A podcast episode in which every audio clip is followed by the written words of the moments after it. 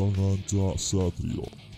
dalam artian perusahaan itu sudah berbuat cuman mungkin kenyataannya nanti juga tumpul juga gitu loh kalau yang bawah tajam Hmm.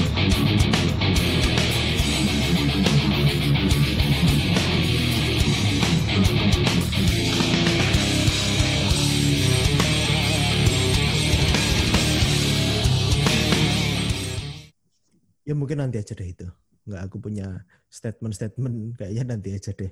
Kita lanjut aja ke mungkin tentang PHK dan pesangon tadi sudah dibahas tentang isu-isunya di mana ke- kebanyakan yang beredar tentang menghilangnya pesangon itu hoax. Kemudian topik yang akan kita bahas adalah tentang eh kontrak. Di mana isunya adalah pegawai kontrak sekarang bisa dikontrak seumur hidup dan outsourcing tidak lagi apa ya outsourcing bebas dipergunakan di semua jenis pekerjaan tidak ada Ah. batasan waktu nah nah ini Nah, ini ini. ini berarti apa namanya yang namanya karyawan berarti udah nggak ada habis ini adanya kontrakan berarti Iya. saya setahuku yang di undang-undang mungkin ini belum terjawab ya ini memang benar atau hoax tapi eh, aku menyampaikan dulu memang di undang-undang sebelumnya itu kan eh, apa tuh kontrak itu kan hanya boleh dua kali ya dan diperpanjang dua tahun dan diperpanjang satu tahun setahun. Iya. Selepas- ya Hmm. dua, dua tahun dan setahun. Selepas itu kan harus me- diangkat TT. menjadi pegawai tetap kan? Iya. Ya TT. Mm-mm. Nah kalau ini gimana nih? Yang kontrak seumur hidup tuh gimana sih? Apa emang beneran atau enggak? Kalau emang beneran kan ya seolah-olah emang hak hak hak di mana soalnya kan emang ada gap ya antara pegawai kontrak PKWT dan pegawai tetap organik itu kan ada gap dari hak-haknya ya. aku kurang sedikit ya nambah sedikit mungkin kan eh, Hmm. perat- itu peraturan yang lama kan emang bunyinya seperti itu nah pada Hmm. kenyataannya itu ternyata banyak perusahaan yang dia itu apa namanya ngakali. I- iya sih. Kecil. itu, itu loh jadi walaupun ada UU-nya tapi ternyata itu masih bisa diakali gitu loh apalagi yang sekarang Dan tempatku juga ternyata. salah satunya. Monggo Mas Yos bisa dijelaskan Mas Yos Siap. Jadi di poin terkait eh, kontraknya jadi nggak ada batas waktu. Selamanya jadi kontrakan Hmm. itu ya. Itu adalah Nah, hoak begitu. hmm. Karena jelas di dalam pasal 66 ayat 1 hubungan kerja antara perusahaan alih daya dengan pekerja atau buruh yang dipekerjakannya didasarkan pada perjanjian kerja yang dibuat secara tertulis baik perjanjian kerja waktu tertentu atau perjanjian kerja waktu tidak tertentu.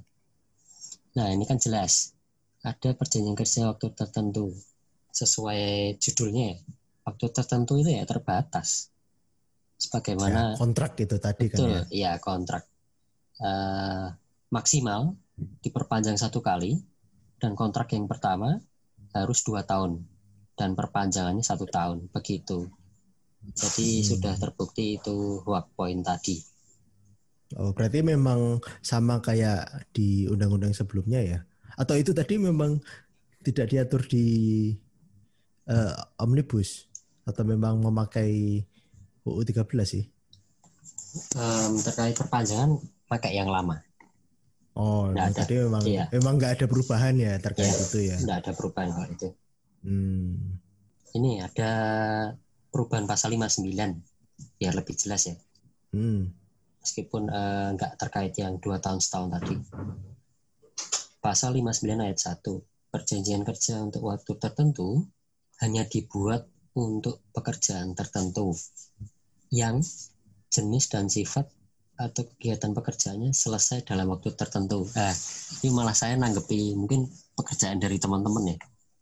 Kalau memang Hmm. pekerjaan teman-teman kerjaannya ada terus dan kerjanya kan itu itu terus tetap toh otomatis kan nggak Hmm. masuk kategori ini.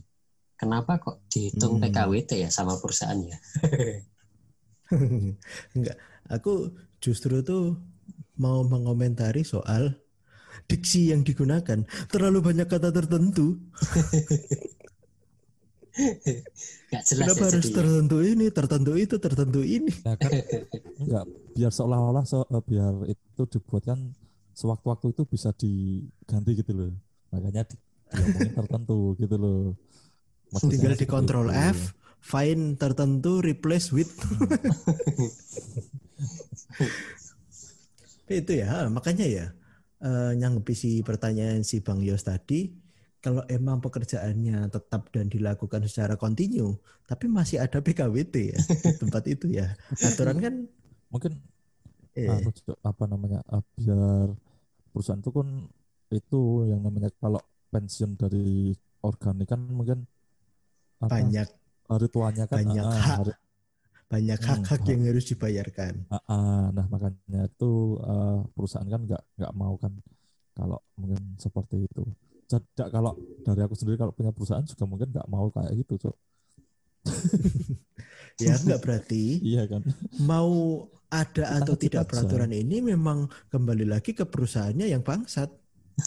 iya emang makanya kemarin yang yang UU kemarin yang UU 13 saja kan eh, apa namanya dua dua kali kontrak harus karyawan tetap kenyataannya masih bisa diakali masih bisa dicit Nah, gitu loh. Dengan cara diputus dulu, dikasih libur selama tiga bulan atau sebulan, dikontrak lagi. enggak enggak dikasih enggak enggak dikasih libur cok jadi kalau ada sih beberapa temanku mm, mm, ada temanku itu temanku di suatu perusahaan ya dia langsung apa masih kerja tapi dia disuruh itu ngirim lamaran lagi dan selama eh, sebelum dia eh, setelah dia ngirim lamaran itu selama sebulan dia kerja seperti biasa nah itu digaji seperti Hmm. biasa cuman habis itu masuk langsung kontrak di bulan berikutnya gitu loh Oh, oh, mungkin secara administrasi dikemas jadi Mm-mm. itu ya kontrak vendor Seolah-olah. atau kontrak apa gitu ya. Oh, Nah, kayaknya aku paham sekali. Seolah-olah aku melakukannya. mungkin emang kamu pelaku mungkin Sa. kamu mungkin pelaku juga gitu loh Karena didesak oleh pengusaha-pengusaha yang sangat kapitalis.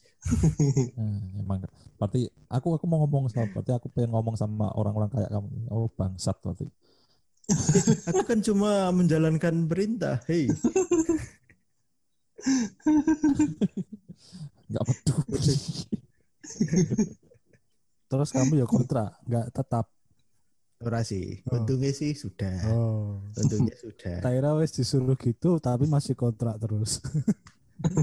ya kampret dong. nggak dia kan nggak dia kan disogok dulu pakai apa dia di- disogok disogok dulu biar tetap toh biar tetap dulu biar apa mau ngakali yang bawah-bawah dia amankan posisinya Disodomi gitu. Disogok itu disodomi. Terus dulu Bangsat, bangsat. Dendrut. Disogoknya di atas dong. Di depan muka disogoknya. Nggak disogok dari belakang. Berarti tadi soal kontrak itu memang eh, nggak berubah ya? Aturannya nggak berubah. Memang masih memakai UU yang lama ya? Betul. Hmm, jadi tetap ada aturan itu tadi ya. Cuman yang diatur di UU ini adalah yang tertentu-tertentu tadi ya, yang agak ambigu tadi ya. Apa? PKWT tidak boleh ada di pekerjaan yang secara kontinu. Betul. Tetapi PKWT boleh ada di pekerjaan yang yang ada dalam waktu tertentu. Dengan jangka waktu tertentu dan pekerjaan yang eh, bidangnya tertentu, banyak tertentu. Hei pemerintah, mungkin Anda harus belajar bahasa Indonesia lagi. Kembalilah ke EYD.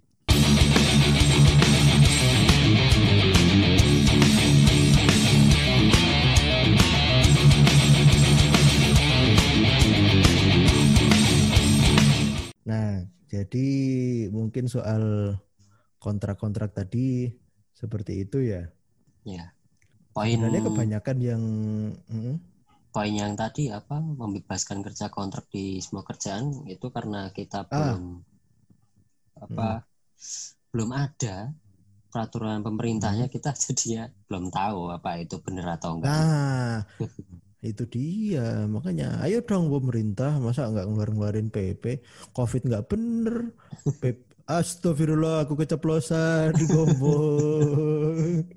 Jangan UU ITE saya, jangan di E. ITE. apa enggak UIT nanti Enggak, ini ngomong ngomongin omnibus law besok kamu kena Kamu kena- UU ITE Cak. UU Besoknya ITE E kenanya malah UU UU Omnibus Law. kita bahas UU ITE besok Goblok, goblok. Gara-gara kontrak tadi. omnibus law Kenapa dan gara-gara kontrak? Ini sebentar nih. Biar Eh, netizennya gimana, paham gimana? maksud kita Hmm. belum ada PP jadi belum jelas jadi begini netizen di Hmm. pasal 66 ayat em, 5 itu perizinan berusaha untuk yang perusahaan alih daya atau outsourcing harus memenuhi norma Hmm. standar prosedur kriteria yang ditetapkan pemerintah pusat. Nah, ketetapan ini nih yang nanti diatur di peraturan pemerintah yang belum kita tahu bentuknya kayak gimana. Nah, berarti memang secara tertulis itu dituliskan eh, merujuk pada peraturan pemerintah ya. Iya, betul.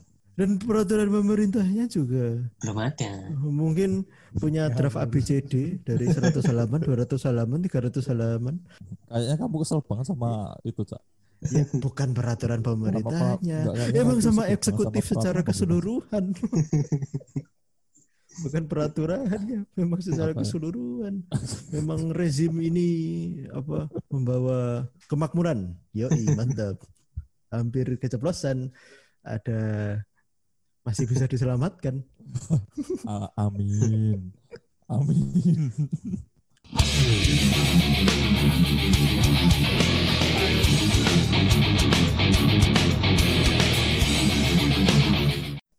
Yuk, terus bahasan selanjutnya adalah tentang cuti.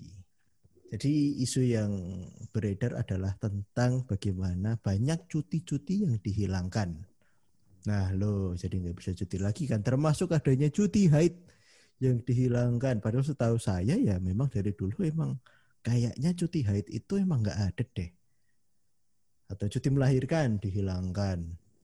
Kalau cuti melahirkan ada, kalau cuti haid emangnya ada. ada Oh ya? ada ada kalau cuti haid itu ada cuman kenyataannya prakteknya itu eh, mungkin karena itu dianggap Mhm. cuman cuman sakit ringan dianggap cuman sakit ringan makanya itu kan kebanyakan i- Mungkin yang boleh cuti yang sampai kalau dia langsung anemia, tahu-tahu darahnya jadi gelambir, mungkin keluarnya jembur-jembur nggak kan? Hmm. kalau itu mungkin nggak cuma cuti, mungkin anda harus ke dokter juga deh kalau anu Kayaknya apa kalau namanya kayak gitu. eh, itu kamu kebanyakan nonton anime Kok bisa- Oh, lah kan eh, kalau yang di anime itu kan kalau ngelihat cewek itu kan mimisan. Nah ini kalau cewek ngelihat apa bisa Misalnya di bawah. Apa melihat batu yang berbentuk Mimisan dari eh belum nemu lagi? Kampret. Belum ketemu lagi ngecek bikin bikin umpan sendiri bikin ngambil sendiri nggak dapat kan bangsat. jadi kalau ngomong soal cuti tadi ya setauku dulu nih ya setauku cuti itu memang nggak di sama sekali nggak dimention di UU Cipta Kerja yang baru ini jadi masih merujuk pada uh, Undang-Undang Nomor 13 Tahun 2003 di mana itu sudah mengatur tentang cuti dan sebagainya dan uh, berarti tetap selama yang tidak dibahas di Cipta Kerja berarti masih merujuk dan tetap tidak ada perubahan. Mungkin seperti itu ya Bang Yos ya. Iya benar sekali. Sifat Hmm. dari omnibus law itu kan merevisi beberapa pasal di undang-undang tertentu yang dimuat di dalam undang-undang omnibus law tersebut. Dalam arti Hmm. kalau memang pasalnya nggak disebutkan di situ ya berarti nggak dihapus, nggak direvisi, tetap berlaku Hmm. begitu. Oh. Dan Nah, cuti kalau cuti Hmm. haid tadi dan cuti untuk kelahiran itu kan ada di pasal Hmm. 81 sama 82 undang-undang yang lama oh. gitu. Oh, jadi masih tetap ya. Terus kan sempet ya kalau nggak salah ya, kalau tentang cuti melahirkan itu kan sempet ada wacana kalau eh, sang suami juga eh, mendapatkan cuti apa ya eh, melahirkan bagi untuk menemani istrinya. Ya apa? Ya kalau nggak salah sih ini sudah diterapkan di negara lain. Iya memang Enggak cuy. Jadi jadi Enggak sih, yang aku aku ki aneh. Enggak denger itu ada itu ibaratnya itu ngasih selamat sama Mu karena berhasil buat anak. nggak gitu. Jadi yang yang mau ditekankan ya terlepas walaupun memang ter- terdengar aneh ya cowok melakukan cuti melahirkan. Tapi yang mau diangkat di situ adalah bahwa si anak ini yang sudah dilahirkan sang istri juga merupakan tanggung jawab dua orang tua. Jadi bapaknya itu juga harus ribet, dikasih waktu buat cuti juga. Iya lama masa iya buat bareng yang Nah, cuma makanya nanti kalau yang cowoknya kerja mulu kan ntar anaknya bingung. Saya anak siapa? Saya anak siapa? anak bapak saya adalah pekerjaan. enggak tapi tapi anu intermezzo Hmm. sedikit ya. Kasihan loh kalau cowok itu Kenapa? kalau cowok itu kasihan loh kalau cewek melahirkan itu dikasih selamat selamat ya udah jadi ibu Hmm. gitu Nah, sambil dilus terusnya tapi kalau pas anaknya lahir itu bapaknya cuma dianggurin nggak ada yang ngomong selamat sama yang Ente mau. jadinya. selamat ya kamu Ente enggak gini, ente mau titit Anda dielus-elus sama manusia seluruh Indonesia sama semua kenalan Anda sambil ngomong sama saudara-saudara Anda Sambil titit Anda selamat. dielus semakin muncrat.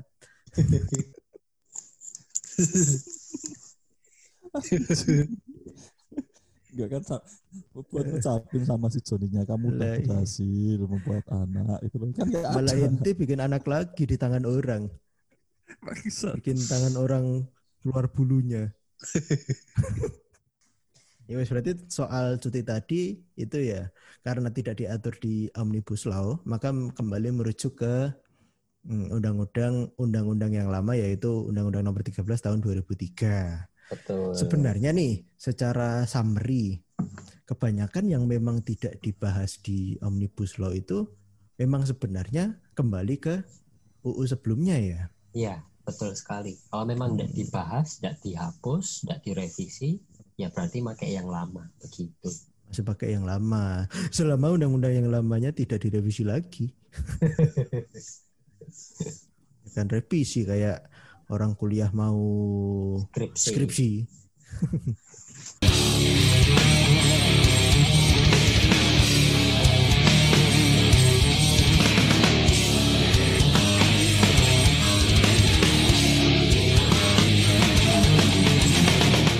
Oke, terlepas dari polemik-polemik isu-isu yang beredar di masyarakat tentang eh, mungkin bisa dibilang banyak yang menggoreng isu-isu tadi dan menyebabkan eh, ricuh di masyarakat ya.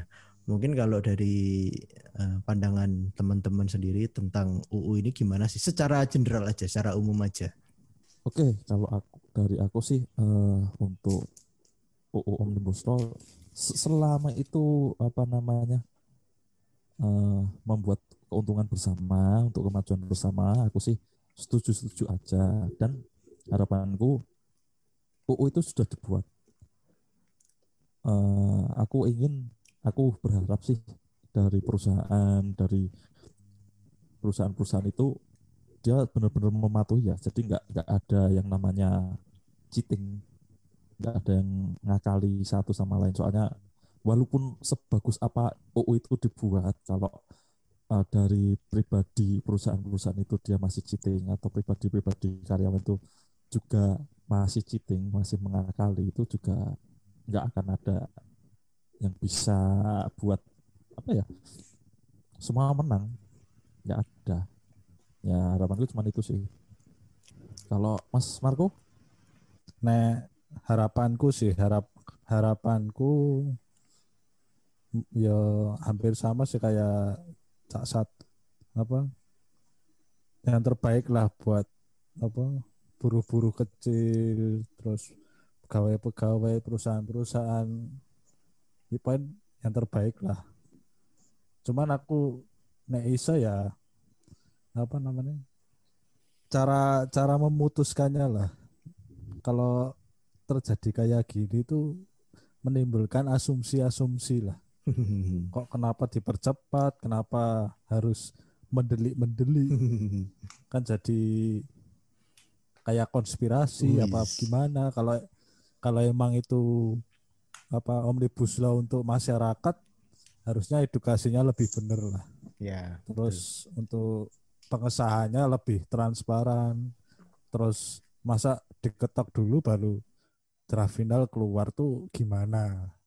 Masa berarti bisa diotak-atik dong. Selama masa transisi ke final mungkin banyak yang cheating bisa jadi. dimungkinkan.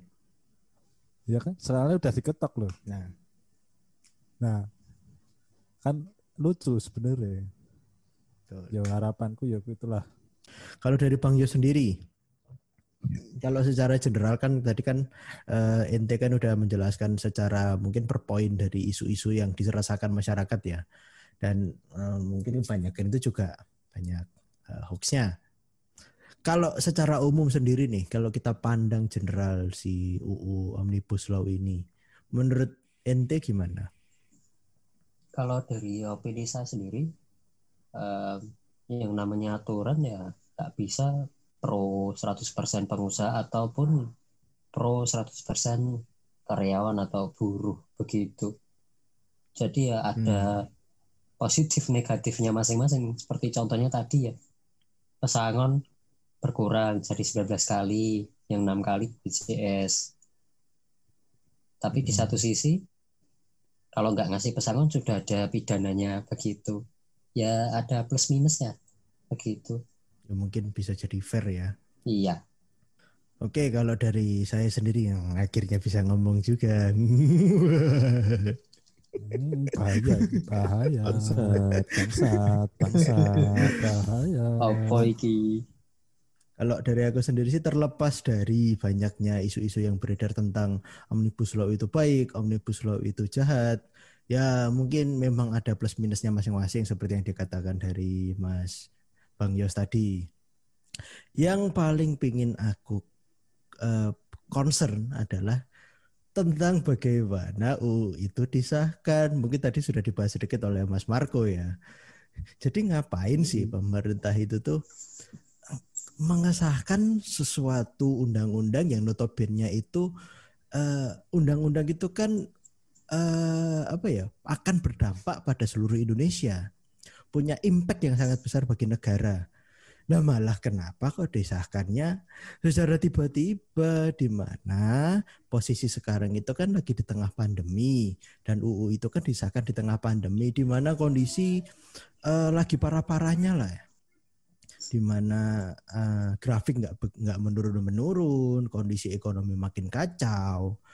Lah kok malah diketuk palu disahkan? Ya harusnya pemerintah tahu lah kalau itu tuh bakal menyebabkan chaos. Bakal bikin rakyatnya eh, memberontak. Soalnya kan tentang UU ini sendiri kan sudah dibahas beberapa bulan lalu ya kalau mungkin banyak negatifnya bagi buruh dan karyawan. Lah kok malah diketuk? Ya pecah lah, rakyat ngamuk lah. Ya mbok ya diurusin dulu lah, diurusin dulu gimana ini pandeminya. Kalau udah tenang, ekonomi mulai stabil, ya baru kayak dibahas tentang UU Omnibus Law-nya. Dan satu lagi buat UU Omnibus Law ini kan katanya udah ada sosialisasinya ke eh, atau udah ada diskusinya dengan serikat-serikat buruh ya. Ya mana maksudnya kalau emang udah diskusi itu harusnya secara transparan lah, nggak cuma di berbagai pihak yang sudah mungkin kemungkinan sudah dilobi sendiri sama pemerintah. Di mana kita tahu presiden kita tercinta sudah mempunyai teknik lobby yang sangat jawara sekali. Awas. Saya memuji Awas. loh, eh saya memuji loh, saya memuji tentang kemantapan beliau. Wis. Iya, Mantap. mantap sekali. Aku gak ikut ikut. Iya, emang presiden, presiden memang mantap sekali. Tapi ya itulah, balik lagi, kenapa harus sekarang? Kalau emang tujuannya buat mendatangkan investasi untuk memulihkan keadaan ekonomi, Siapa yang mau masuk ke Indonesia kalau kondisinya kayak gini? Hei, tujuan Anda tolong diperjelas, wahai eksekutif, wahai, eh, wahai, wahai legislatif. ya wis lah, itu aja dari saya.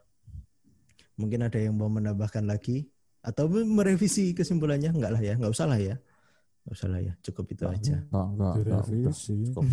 kan udah diketok Oh iya. Oh, seperti Cekwaks. seperti sebuah badan yang kita kenal. ya wes lah itu tadi pembahasan kita seputar UU Omnibus Law dengan berbagai polemiknya. Apakah negatif, apakah positif? Ya dikembalikan lagi pada kalian semua. Ya harusnya yang kalian juga bisa mempelajarinya sendiri lah. Sebenarnya itu baik atau tidaknya sih. At- ah, sebenarnya itu banyak baiknya atau banyak buruknya bagi kalian sendiri sebagai pelaku. Mungkin kalian sebagai pelaku usaha atau kalian sebagai pelaku buruh. Seperti itulah. Ya wis. Terus Eh, apa tolong sih demo-demo yang diserang jangan barangnya warga ya. Nah itu dia. Wah kalau kita mau bahas demo demo. panjang sih. Lah ya nek Ah, rusuh ya sing dirusuh episode aja. itu aja tujuannya itu. Ya tapi ojo Mungkin next episode saja kita bahas. ya ya perdemoan demo masa Iya. demo apa ya? Demo musik. Demo cuci. IP IP kan demo IP EP EP EP IP kan bahasa Inggris electric plea Guys, bangsat. Tak son. Menambah menambah beban kerjaanku. Bangsat ya wes terima kasih langsung ya closing ya Ya oke. Ya wes terima kasih buat kalian semua yang sudah mendengarkan. Terima kasih juga buat Bang Yos atas ketersediaan waktunya untuk membantu kami memberikan pencerahan atau dicerahkan memberikan Nah, nanti anu Bang Yos, eh, kirim nomor rekening ya. Oh siap. UKM loh UKM loh buat minta nomor rekening buat diserot sendiri. Hacker ya. Wah, Biar ini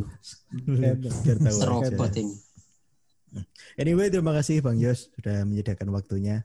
Sama-sama. Thank you lah. Mungkin di pembahasan kali ini sedikit bisa memberikan pencerahan bagi kalian semua yang mendengarkan tentang Omnibus Law. Ya wis, segitu aja. Biar nggak Oke, kepanjangan. kena kita kita nggak kayak pro apa kontra Ya, kita netral lah. Kita cuman kita cuman eh, masyarakat awam aja iya. yang pengen Iya. tahu aja. Tapi Ya. saya kontra. Hidup demo, Ya, hidup mahasiswa. Mahasiswa silahkan Terserah, terserah. lanjutkan perjuangan kalian. Ya wis, gitu aja. Terima kasih sudah mendengarkan. Jangan lupa apa Mas Sat? Like. like dan subscribe apa subscribe karena dengan like dan subscribe subscribe dengan like dan subscribe kalian bisa mendapatkan pahala secara cuma-cuma wus Anda Tuhan. dengan mendukung karya kita Anda Tuhan menentukan mana pahala, mana dosa. kan karena Oh, kebaikan kebaikan. cowok Weh, tapi yang baik belum tentu baik untuk orangnya itu Ah, wes lah, wes rasa bulat-bulat malah nambahi pikiran, baik. ya, gitu aja. Terima kasih. Cukup sekian dan suwun. Matur.